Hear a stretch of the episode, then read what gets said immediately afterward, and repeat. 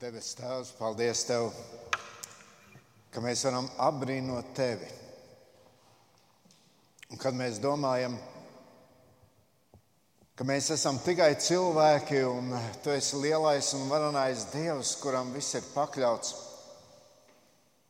tad mēs šajā rītā arī gribam visā bijībā tuvoties Tev un lūgt, lai Tu šajā dienā mūs iemācītu Kā pareizi redzēt tevi? Kā pareizi skatīties uz šo pasauli, kurā dzīvojam? Un kā pareizi arī ieraudzīt sevi šajā lielajā plānā, kas ir tavs plāns. Tēvs svētī mūsu pārdomas šajā rītā un svētī katru, karš, eh, kurš arī ir kopā ar mums, lai tavs vārds tiek pagodināts. Jēzus tavā vārdā. Āmen.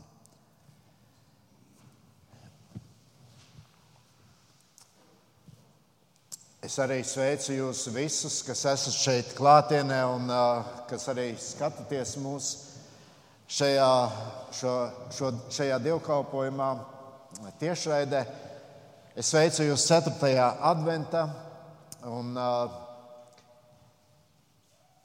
mēs šajā rītā kopīgi pārdomāsim vēl vienu mākslas darbu. Un mēs uh, Vilāns draudzē šo adventu svētkrunu sēriju esam nosaukuši Mākslai vajag telpu. Mēs jau ceturto svētdienu domājam par kādu no psalmiem. Un es sludināju arī pirmajā, pirmajā adventē, un tad mēs jautājām šo jautājumu, lai cilvēki uzraksta, kurš tad ir viņu mīļākais psalms. Un, tur dažādi psalmi tika minēti, bet uh, Vairāk cilvēki minēja arī 139. psalmu.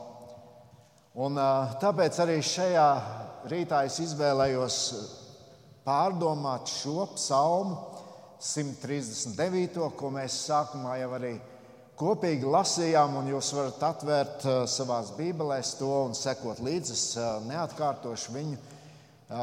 Vairākus pantus lasīšu arī šīs svētdienas laikā. Uh, šis psalms, 139. Uh, uh, rāda to, kā veidojas attiecības starp Dievu un cilvēku. Lai šīs attiecības veidotos tā, lai tās nav tikai tādas formālas attiecības, bet dzīves, kuras praktiski darbojas mūsu dzīvē, kas iespaido mūsu dzīvi dzīves mērķus un ideālus, kas iespaido mūsu rīcību šajā dzīvē, kas iespaido mūsu emocijas.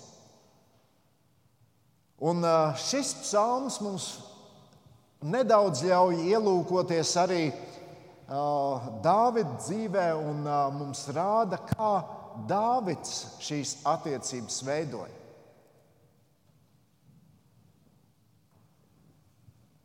Šis psalms mums parāda, kas Dievs bija Dāvida dzīvē.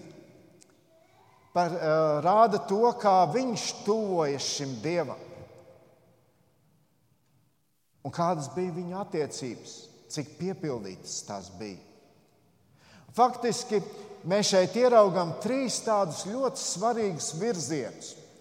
Un vislielākā daļa no šī psalma, apmēram divas trešdaļas, ir šis virziens uz augšu, virziens uz Dievu, skats uz Dievu.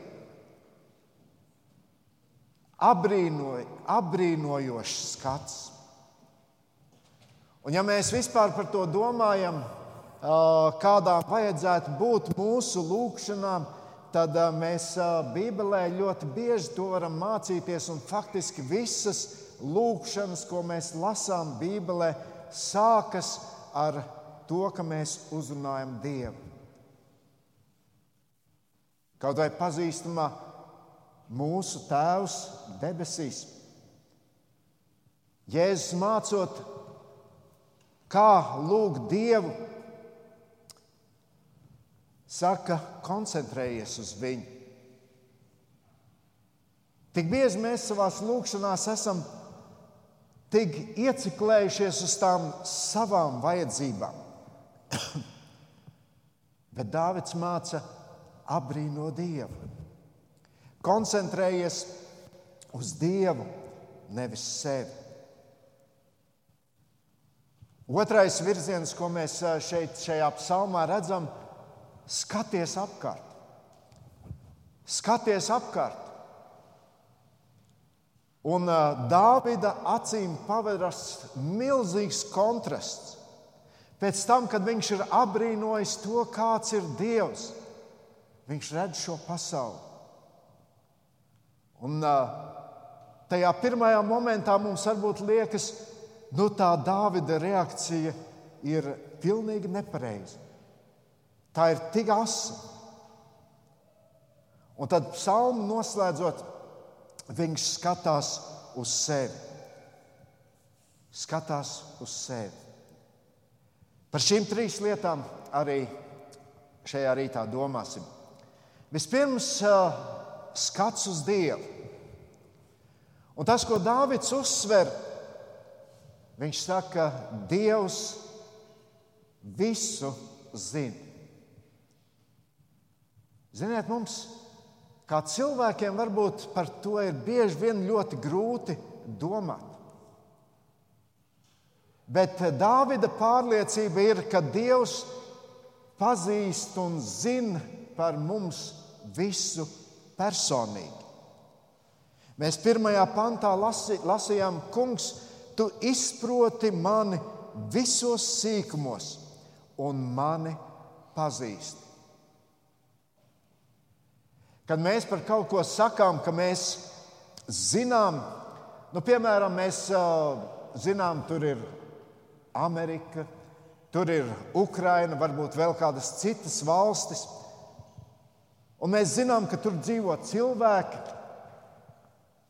Tad tās mūsu zināšanas ir diezgan tādas vispārīgas. Jā, varbūt mēs tur kādu, kādu cilvēku arī pazīstam, kas tur dzīvo. Un arī tad mūsu zināšanas par šo cilvēku nebūtu nav tās pilnīgākās.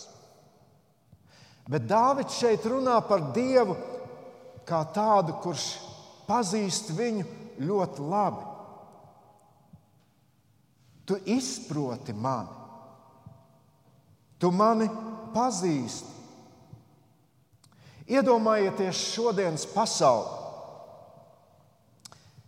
Pasauli, kurā dzīvo apmēram 8 miljardi cilvēku. Un, ja jūs uh, gribat, jūs varat ierakstīt Google, cik cilvēku dzīvo pasaulē. Un, uh, tur viena no lietām, ko mēs varam atrast, ir tāds uh, pasaules dažādu sfēru skaitītājs. Viņš visu laiku kustās. Tas ir zinātnieku izstrādāts, un, protams, tur varbūt tas nav tik ideāli precīzi. Tur nepārtraukti mainās cipari. Tur ir kopīgais cilvēku skaits, kur ir cilvēki, kuri dzimuši šogad, šodien, kuri ir miruši šogad un kuri ir mir, miruši šodien. Un tas cipars nepārtraukti mainās, bet kad es gatavojos šai svētdienai, tad tur bija apmēram 7 miljardi 839 miljoni 910 tūkstoši 280 cilvēku, kas dzīvoja pasaulē. Milzīgs skaits. Un iedomājieties, Dievs katru no viņiem zina personīgi. Viņš zina arī to cilvēku skaitu, ko varbūt šis mērītājs nav bijis precīzs. Dievs zina vairāk par cilvēku nekā pats cilvēks par sevi. Un saprotiet, kad mēs domājam par Dievu, tad mēs domājam par personību, kuru, kura pazīst visus uz šīs pasaules. Un personīgi pazīst. Šis psalms mums atklāja Dāvida nostāju, un Dāvids saka, viņš ir pārliecināts. Viņš ir pārliecināts par to, kad uh, mēs domājam par Dāvida dzīvi, tur ir kāds moments, kad pravietis Samuels atnāk pie Dāvida vecāku, pie šīs ģimenes, lai vienu no dēliem svaidītu par ķēniņu. Un, protams, tur vecāki, vecāki veda šī pravieša priekšā vecākos dēlus, kuri ir nu, būtu cienīgi ieņemt šo vietu.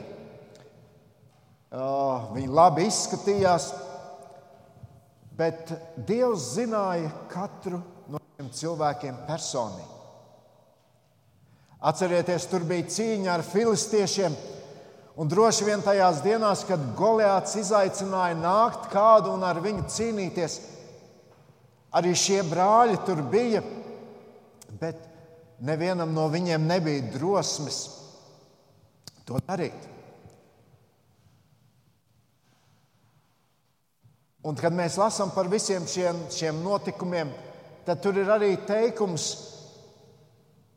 jūs skatāties uz cilvēku vaigu, bet Dievs skatās cilvēku sirdī. Un tā varbūt bieži vien ir atbilde tam, jautājumam, ko mēs kā cilvēki šodien bieži jautājam, kāpēc Dievs pielaiž vienu vai citu lietu cilvēku dzīvēm. Un tad mums ir jāsaka, ka mēs nekad to nespēsim saprast. Viena lieta ir, ir, ir tik svarīga, ir svarīgi saprast, ka tas, ko Dievs dara, tas ir pamatots tajā, ka Viņš zina katru cilvēku personīgi. Mēs būsim piedzīvojuši, ka mūsu spriedums, mūsu domas par kādu cilvēku galu galā tomēr izrādās kļūdains. Un tam var būt dažādi iemesli. Mēs nekad nezinām visu par otru cilvēku. Mēs viņu tik labi nepazīstam. Dievam ir visa informācija. Dievam ir visa informācija. Dāvids saka, tu izproti mani un pazīsti. Tāds ir Dievs. Un tāda ir realitāte. Mēs kā cilvēki esam ierobežoti, bet Dievs Nē. Paskatieties, Dārvids uzsver, ka Dievs zina arī visus sīkumus. Otrajā pantā mēs lasām, tu zini, vai es sēdu vai ceļos, tev ir skaidrs manas domas jau no tālienes. Dievam tu esi zināms personīgi un ļoti konkrēti un precīzi. Jā, mēs kā cilvēki par kādām lietām arī savā dzīvē varam nojaust, varam mēģināt to izskaidrot. Ir um, kriminālistikā cilvēki, speciāli cilvēki, kuri dara to, ka viņi modelē, kā varētu rīkoties viens vai cits noziedznieks vienā vai citā situācijā. Viņi sastāv tādu psiholoģisko pros, uh, portretu. Viņi spriež, tādi cilvēki, tāda tipa cilvēki parasti rīkojas tā un tā. Un tas diezgan bieži arī palīdz. Palīdz izskaidrot. Kad mēs runājam par Dievu, Viņš zina precīzi. Un interesanti, mēs lasījām, kad ceļamies vai sēžamies. To mēs darām simtiem reižu dienā. Un bieži vien mēs pat par to nepiedomājam, nepamanām. Tas mums cilvēkiem notiek tā automātiski nedomājot. Bet Dievs arī to kontrolē. Dievam nav kāds limits informācijai, ko viņš zina. Atcerieties, bija laiks, kad Dāvids šo svarīgo patiesību bija aizmirsis. Viņš deva informāciju cilvēkiem, ka lūk, viņa armijas komandieris Ūrijs ir gājis bojā.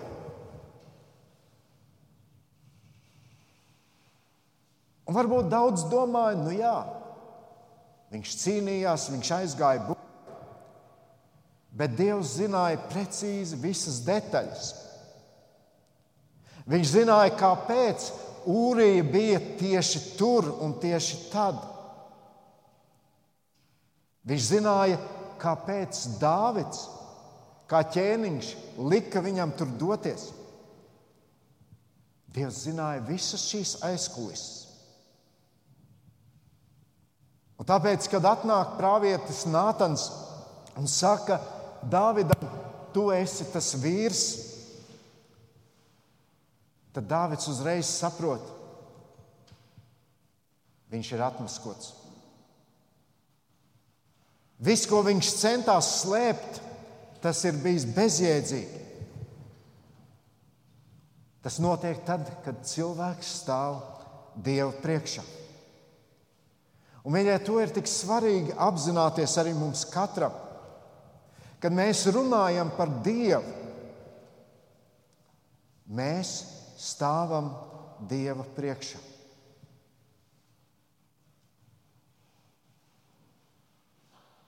Mēs tik bieži liekuļojam. Un tāpēc ir tik svarīgi arī teikt, tu Dievs zini, vai es sēdu vai ceļos, un tev ir skaidras manas domas. Arī tālāk Dāvids uzsver, ka Dievs zina pilnīgi visu. Vai es eju, vai es guļu, tu esi ap mani, un tev ir zināmi visi mani ceļi. Jo nav vārda uz manas smēles, kas tev, kungs, nebūtu zināms. Tik bieži, tik bieži arī mums, kā ticīgiem cilvēkiem, pietrūkst šīs bijības Dieva priekšā.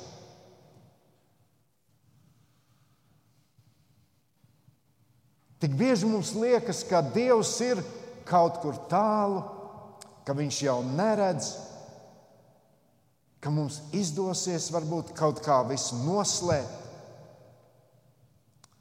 Dievam viss ir zināms.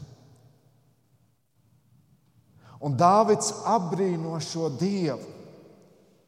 Tu esi ap mani no visām pusēm, tu turi savu roku pār mani.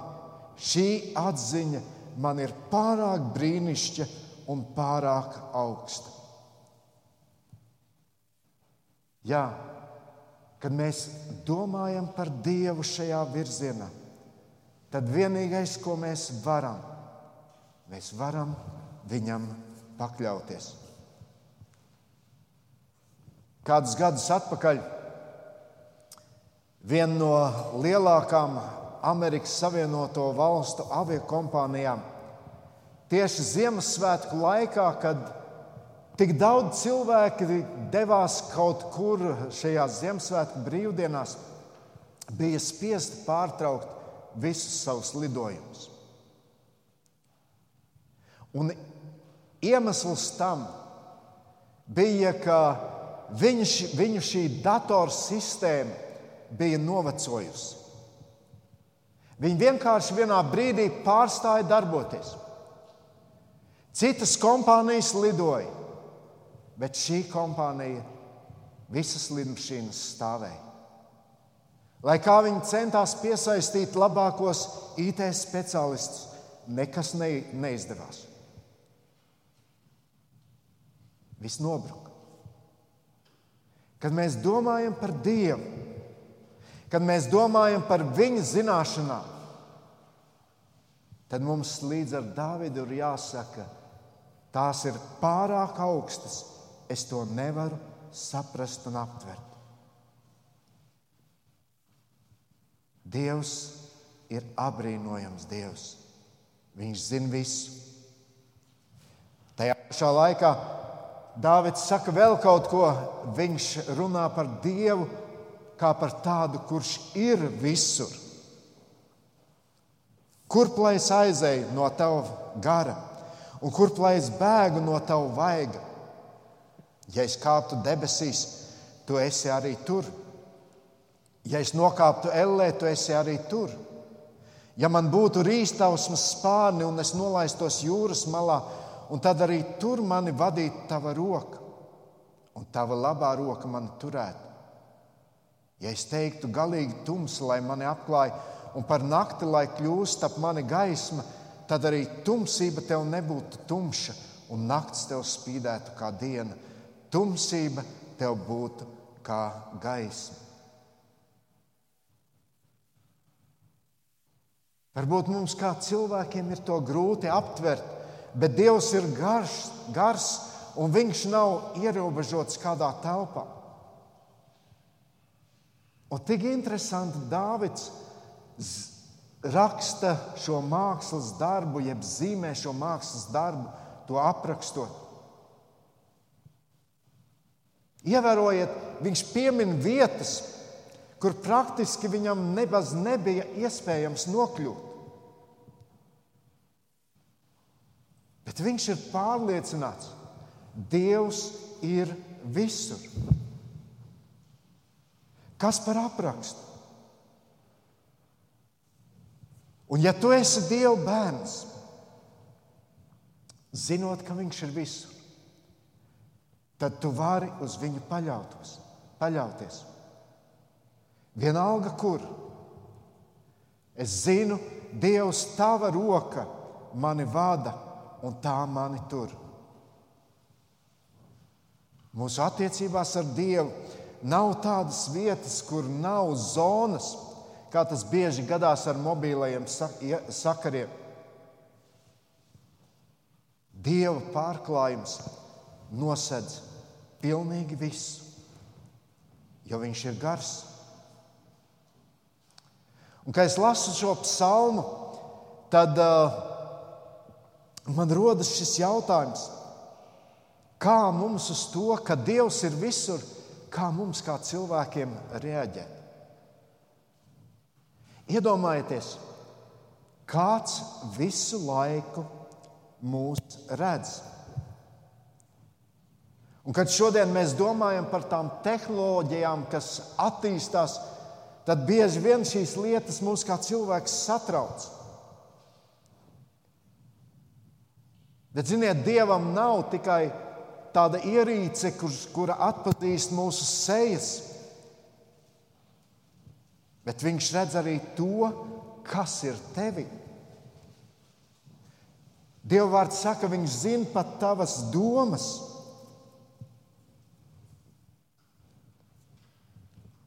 Un, ja mēs pazīstam šo Dievu, tad mums no viņa nav ko slēpt. Un tad mēs varam justies labi. Atcerieties, kad Ādams un Ieva, kad Ādams un Ieva sāka no Dieva slēpties. Tas notika tad, kad viņi sagrēkoja. Tas bija brīdis, kad viņi vienkārši vairs negribēja ar Dievu satikties un negribēja Dievu redzēt. Bet tad, kad tu vari, patiesi nākt Dievu priekšā, tad tas ir prieks. Kad tu zini, Dievs, tu redzi mani visur, un tu redzi mani vienmēr. Dāvids apbrīno šo Dieva varenību un vispēcību. Mēs bieži vien domājam, nu, mēs jau paši veidojamies, mēs augam, mēs uh, audzinām mūsu bērnus, mēs pieliekam mūsu pūles, lai bērni izaugtu. Bet Dāvids tik apbrīnojami apraksta, ka Dievs ir iesaistīts katra mūsu dzīvē. Viņš veido mūs tādus, kādiem mums ir jābūt. Tu radīji manas īkstis. Tu mani veidoji un piešķīri man ķermeni, manas mātes miesās. Es tev pateicos, ka es esmu tik brīnišķīgi radīts. Brīnišķīgi ir tavi darbi. Mana dvēsele to labi zina. Kad tu par to domā, vai tu apbrīno šo Dievu, vai tu ieraugi savu dzīvi šī Dieva rokās?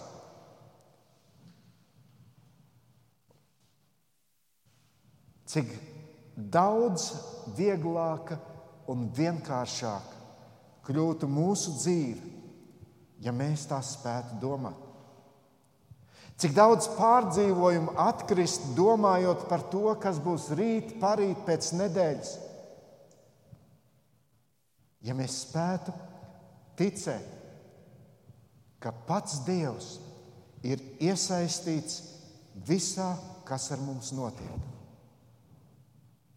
katrā mūsu personīgā dzīvē. Ka Dievs kontrolē pat to, ko mēs nezinām un nesaprotam. Manas būtnes veidojums tev nebija apslēpts, kad es slepenībā tapu radīts zemes dziļumos, veidots. Tavas acis man redzēja kā bezmiesas iedīgu. To, kas šodien notiek pasaulē, mēs par to daudz ko nesaprotam. Bet Dievs kontrolē arī šo situāciju.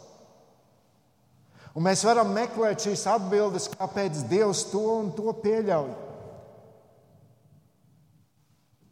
Kaut ko varbūt mēs varam nojaust, bet mēs līdz galam visu neatradīsim. Un Dāvidas secinājums ir: Dievs, tu visu dari tā, kā ir vislabāk. Tavā grāmatā bija rakstītas visas manas dienas, jau noteiktas, ka to vēl nebija nevienas. Cik dārgas man ir tavas domas, saka Dievs, un cik liels ir to daudzums. Ja tās gribētu saskaitīt, tad to būtu vairāk nekā smiltis. Kad es uzmostos, es vēl ar vienu esmu pie tevis.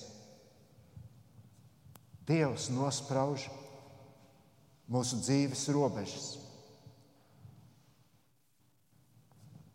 Mēs varam daudz kam iebilst, bet Dievs ir tas, kurš dara. Viņam ir šīs tiesības, jo Viņš ir Dievs.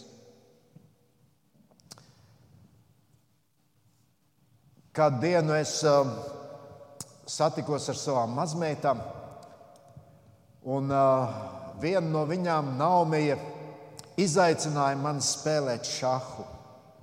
Sen nebija to darījis, bet uh, šahs māca cilvēku domāt vairākus gājienus uz priekšu. Bet tāpat laikā arī pretinieks ir tas, kurš domā vairākus gājienus uz priekšu, un, un tad nu, ir jācenšas izskaidrot gan vienu, gan otru. Un, ja pretinieks izdara kādu gājienu, ko tu neesi iedomājies, tev viss ir jāsāk no sākuma. Un toreiz man bija ļoti interesanti, bet tajā pašā laikā vienā brīdī es sapratu, ka es vairāk esmu koncentrējies uz to, ko, kādus gājienus es izdarīšu, un mazāk pievērsis uzmanību tam, ko Naumija dara. Un, ziniet, es no vienā brīdī tā atvieglot nopūtos, jo tā mazākā mazmeita Adelaine mani vienkārši izglāba, jo viņa pierāpoja klāt un sagāza visas tās figūras. Bet domājot par Dievu, viņš zina, ka tas, kas notiek šodien, viņam ir tam kāds nodoms. Nekas nevar notikt bez viņa ziņas. Mēs kā cilvēki varam rēķināt un kalkulēt, cik mēs gribam. Bet viss notiks tā, kā Dievs to ir iecerējis. Un Dārvids saka, ja es gribētu to izskaidrot, man tas neizdotos. Un mums kā cilvēkiem atliek tikai samierināties ar to, ko Dievs dara, un pateikties, ka viņš da, ko, ka, ko viņš dara un ka viņš mani nekad neatstāja. Atcerieties arī apustulis Pāvils, kad viņš raksta vēstuli romiešiem, viņš saka šos vārdus: Mēs zinām, ka tiem, kas Dievu mīl, visas lietas nāk par labu, tāpēc, ka tie pēc viņa mūžīgā nodoma ir aicināti. Cik apbrīnojams Dievs! kuram mēs varam ticēt, no kura mēs, par kuru mēs varam mācīties. Un tad, kad Dāvids ir savā lūkšanā apbrīnojis Dievu, un to viņš dara tik plaši un tik daudz, tad viņš skatās arī uz to, kas ir ap viņu. Un, protams, to, ko Dāvids šeit saka, to varbūt mums šodien nav tā patīkami dzirdēt, bet tā ir realitāte. Ko viņš redz? Bezdievību, samaitātību, grēku, liekulību, naidu pret Dievu, naidu pret Dieva cilvēkiem. Viņš uz visu to skatās, un tas viņā izsauc šo reakciju. Kaut tu bezdievis nokautok Dievs, kaut asinskāri atstātos no manis. Ar ļaunprātīgu viltu viņi runā par tevi, un kā tavi ienaidnieki nelietīgi valkā tavu vārdu. Un man ir jādomā, ja mēs kā ticīgi cilvēki šodien biežāk apbrīnotu Dievu, Kāda būtu mūsu reakcija, kad mēs skatītos uz šo pasauli? Vai mēs kaut ko līdzīgu nesāktu runāt Dāvidam? Jo tad, kad tu redzi, kāds ir Dievs un mēģini to aptvert, tad tu ieraugi, cik samaitāta un ļauna ir šī pasaule. Ziniet, tāpēc tie vārdi, ko apustulis Jānis saka, nemīliet pasauli un to, kas pasauli, pasaulē tik bieži šodien mums skan tik savādi. Mums šodienas cilvēkiem ir tik grūti ieraudzīt šo kontrastu, jo mēs par maz apbrīnojam Dievu. Un par daudz mēs pierodam pie pasaules. Un tas, ko mēs redzam pasaulē, bieži vien mums sāk likties tik ierasts. Šīs pasaules vērtības ienāk mūsu dzīvēm. Un tas nes līdzi nemieru, bailes. Bet Dāvids mums ir kā labs piemērs, ka tad, kad mēs sākam domāt par Dievu, tad mēs kļūstam citādi. Tas sāk mainīt mūsu vērtības, tas sāk mainīt mūsu skatījumu uz to, kas notiek apkārt. Bet, ziniet, te nu man gribas teikt, ka arī Dāvids centās, cenšas izskaidrot šīs dieva domas un viņam tas neizdodas.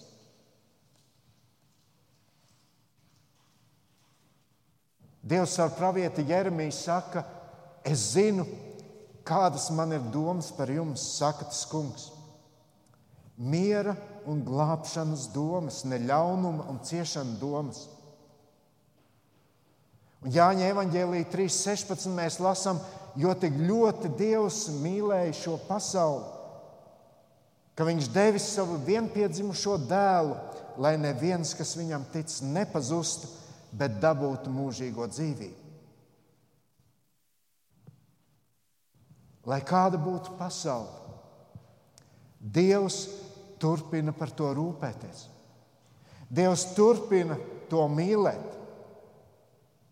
Un viņš šo mīlestību apliecina, sūtot pasaulē Jēzu Kristu, kuras dzimšanas, kura dzimšanas svētkiem mēs tuvojamies. Dievs mīl katru cilvēku. Bet tas, ko Dievs ienīst, tas ir grēks, ko šie cilvēki dara. Un šie Dāvida asie vārdi uzsver, ka viņš atsakās atbalstīt grēku. Viņš atsakās piedalīties šajos grēka darbos. Viņš atsakās iet uz kaut kādiem kompromisiem. Tā ir reakcija tam, ka tu sāc apbrīnot Dievu. Tu vairs nespēji citādāk. Un tajā pašā laikā Bībele saka, ja tavs ienaidnieks ir izsalcis, pabaro viņu, ja viņš ir izslāpis, padzirdini viņu. Tas ir šodienas Dieva bērnu uzdevums. Vēl Bībele saka, lai mīlam savus ienaidniekus tā, kā Kristus viņus mīl. Un vēl Bībele mūs aicina apliecināt Dieva evaņģēlīju cilvēkiem, kuri dzīvo grēkā. Apostols Pāvils otrajā vēstulē Timotejam, otrajā nodaļā, no 24. panta saka, lai esam laipni pret visiem, ar lēnprātību pamācot pretiniekus. Kāpēc? Varbūt Dievs kādreiz dotu viņiem atgriezties pie patiesības atziņas. Un viņi atkal atgūtu skaidru prātu, atraisīdamies no vēlna valga, ar ko tie sagūstīt. Tas nozīmē, turies pie Dieva vārda patiesības. Apzinoties, ka tu esi glābts tikai tāpēc, ka esi no Dieva apžēlots. Ne tāpēc, ka tu ar kaut ko to īpaši būtu izpelnījies. Un noslēdzot, Dāvids skatās uz sevi. Un viņš saka, pārbaudi mani, ak, Dievs, un izzini manu sirdi. Izmeklē mani un izdibini skaidri manas domas. Un lūko, vai es neesmu uz ļauna ceļa tad vadi mani pa mūžības ceļu. Mums jau vienmēr vajag skatīties uz sevi. Un mēs redzam, ka Dāvids šeit nestrīdās ar Dievu. Viņš ir tas, kurš skaidri apzinās, Dievs par viņu zina visu. Dievs visu kontrolē. Vēl vairāk Dāvids pat lūdz, Dievs kontrolē mani vienmēr. Pārbaudi mani, izzini manu sirdi, izmeklē mani, izdibini manas domas. Kāpēc tā vajadzētu lūgt? Ja jau Dievs zina visu, kāpēc lūgt tādu lūgšanu? Dāvida lūgšana ir Dievs turpina to darīt. Es gribu palikt atvērts tev. Es negribu slēpties no tava vaiga. Un, ja es kaut kur kļūdos, tad Dievs ved mani atpakaļ uz mūžības ceļu. Tur ir Dievs, tur ir pasaule, un tur esmu es.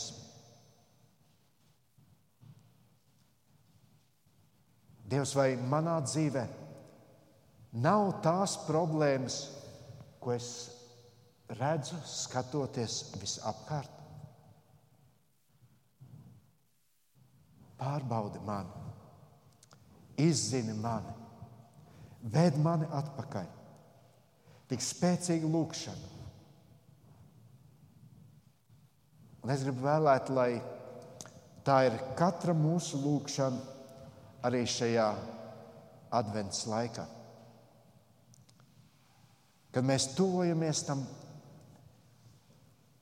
notikumam, kur Dievs savu mīlestību atklāja tik īpašā veidā, sūtot šajā pasaulē Jēzu Kristu, mūsu glābēju un mūsu pestītāju.